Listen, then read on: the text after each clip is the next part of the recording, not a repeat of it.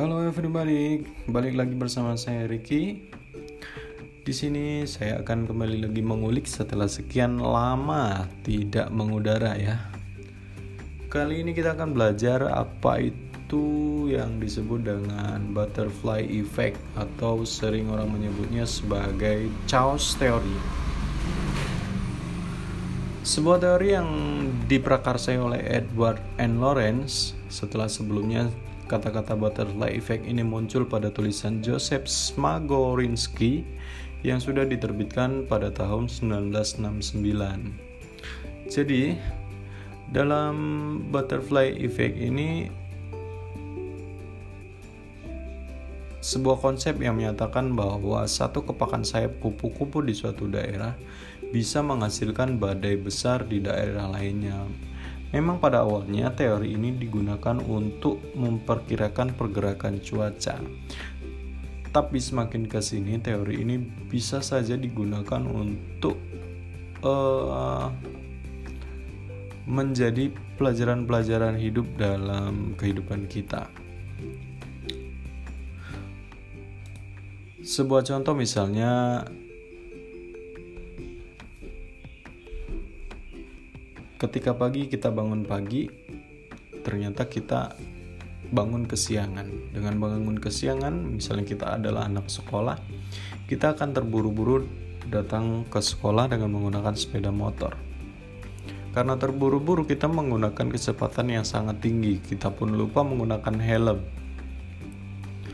Dan kita pun menerobos lampu merah karena kita takut terlambat. Dengan demikian kita pun sampai dengan di sekolah dengan keadaan yang sedikit terlambat. Kita pun masuk ke kelas dan dengan perasaan yang masih ya kita tahu ya kalau kita terlambat itu pasti ada perasaan yang namanya uh, insecure atau ya tidak aman, tidak nyaman dan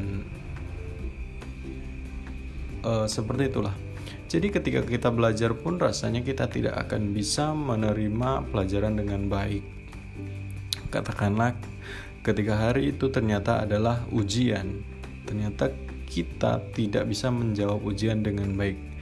Nah, dengan tidak bisa mendapat mengerjakan ujian dengan baik, nilai kita pun menjadi tidak baik. Dengan nilai kita tidak baik, akhirnya kita tidak naik kelas.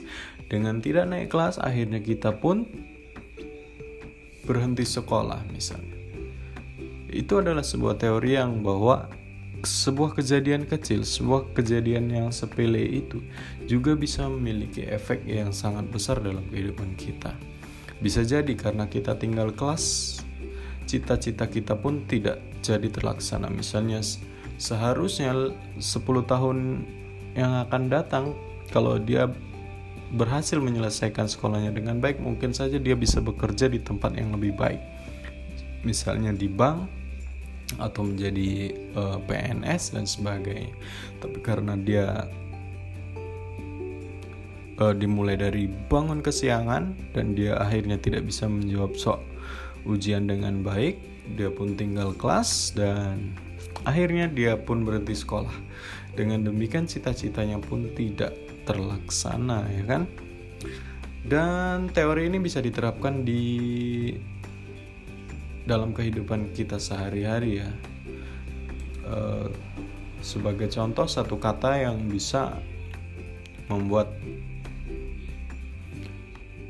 e, seseorang menjadi sangat bersemangat. Misalnya kata-kata dari ibu Tin.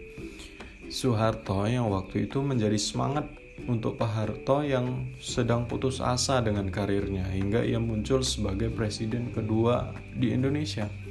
Kita tidak pernah tahu dan Pak Harto itu juga tidak pernah berpikir dia akan pernah menjadi presiden. Ternyata dia menjadi presiden itu setelah awalnya dia merasa putus asa dengan karirnya, tapi kata-kata Bu Tin itu eh, berhasil membuatnya justru menjadi orang nomor satu di Indonesia. Bahkan karirnya sampai saat ini adalah menjadi presiden terlama di Indonesia ya kan? Dan seperti yang kita ketahui bahwa Perang Dunia Kedua itu juga sebenarnya dimulai dengan hal-hal yang sangat sepele, yaitu terjadinya pembunuhan Crown Prince Franz Ferdinand yang pada akhirnya mengakibatkan Perang Dunia Kedua. Walaupun ya bukan hanya itu saja pemicunya, tapi salah satu pemicu yang menjadi bahan bakar utama ya itu tadi. Kemudian kita bisa menggunakannya juga untuk kehidupan-kehidupan kita yang lain, misalnya eh, ketika kita menyepelekan keamanan kita ketika berkendara Misalnya kita menyepelekan kita tidak menggunakan helm dan nasnya kita pun mengalami kecelakaan akhirnya kita mendapatkan cedera di kepala. Tidak bisa diremehkan bahwa kalau sudah terjadi cedera kepala maka akibatnya bisa sangat buruk. Orang bisa saja kehilangan ingatan, kehilangan kesadaran atau uh, kehilangan emosi yang yang menjadikan orang tersebut ke, tidak bisa stabil secara emosi. Nah, dengan demikian, kecelakaan yang kita anggap sepele tadi bisa saja merubah hidup kita 180 derajat. Misalnya keluarga kita adalah keluarga yang mohon maaf dalam kondisi yang pas-pasan karena kita yang sepele mengalami kecelakaan itu bisa membuat orang tua kita jadi berhutang mungkin karena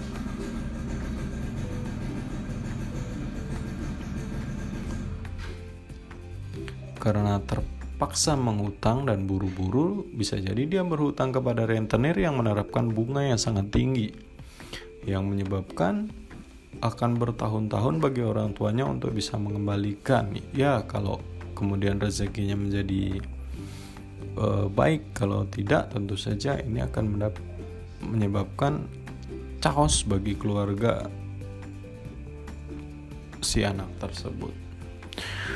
Dan itulah beberapa contoh butterfly effect yang bisa kita terapkan dalam kehidupan sehari-hari. Sebuah contoh lain juga misalnya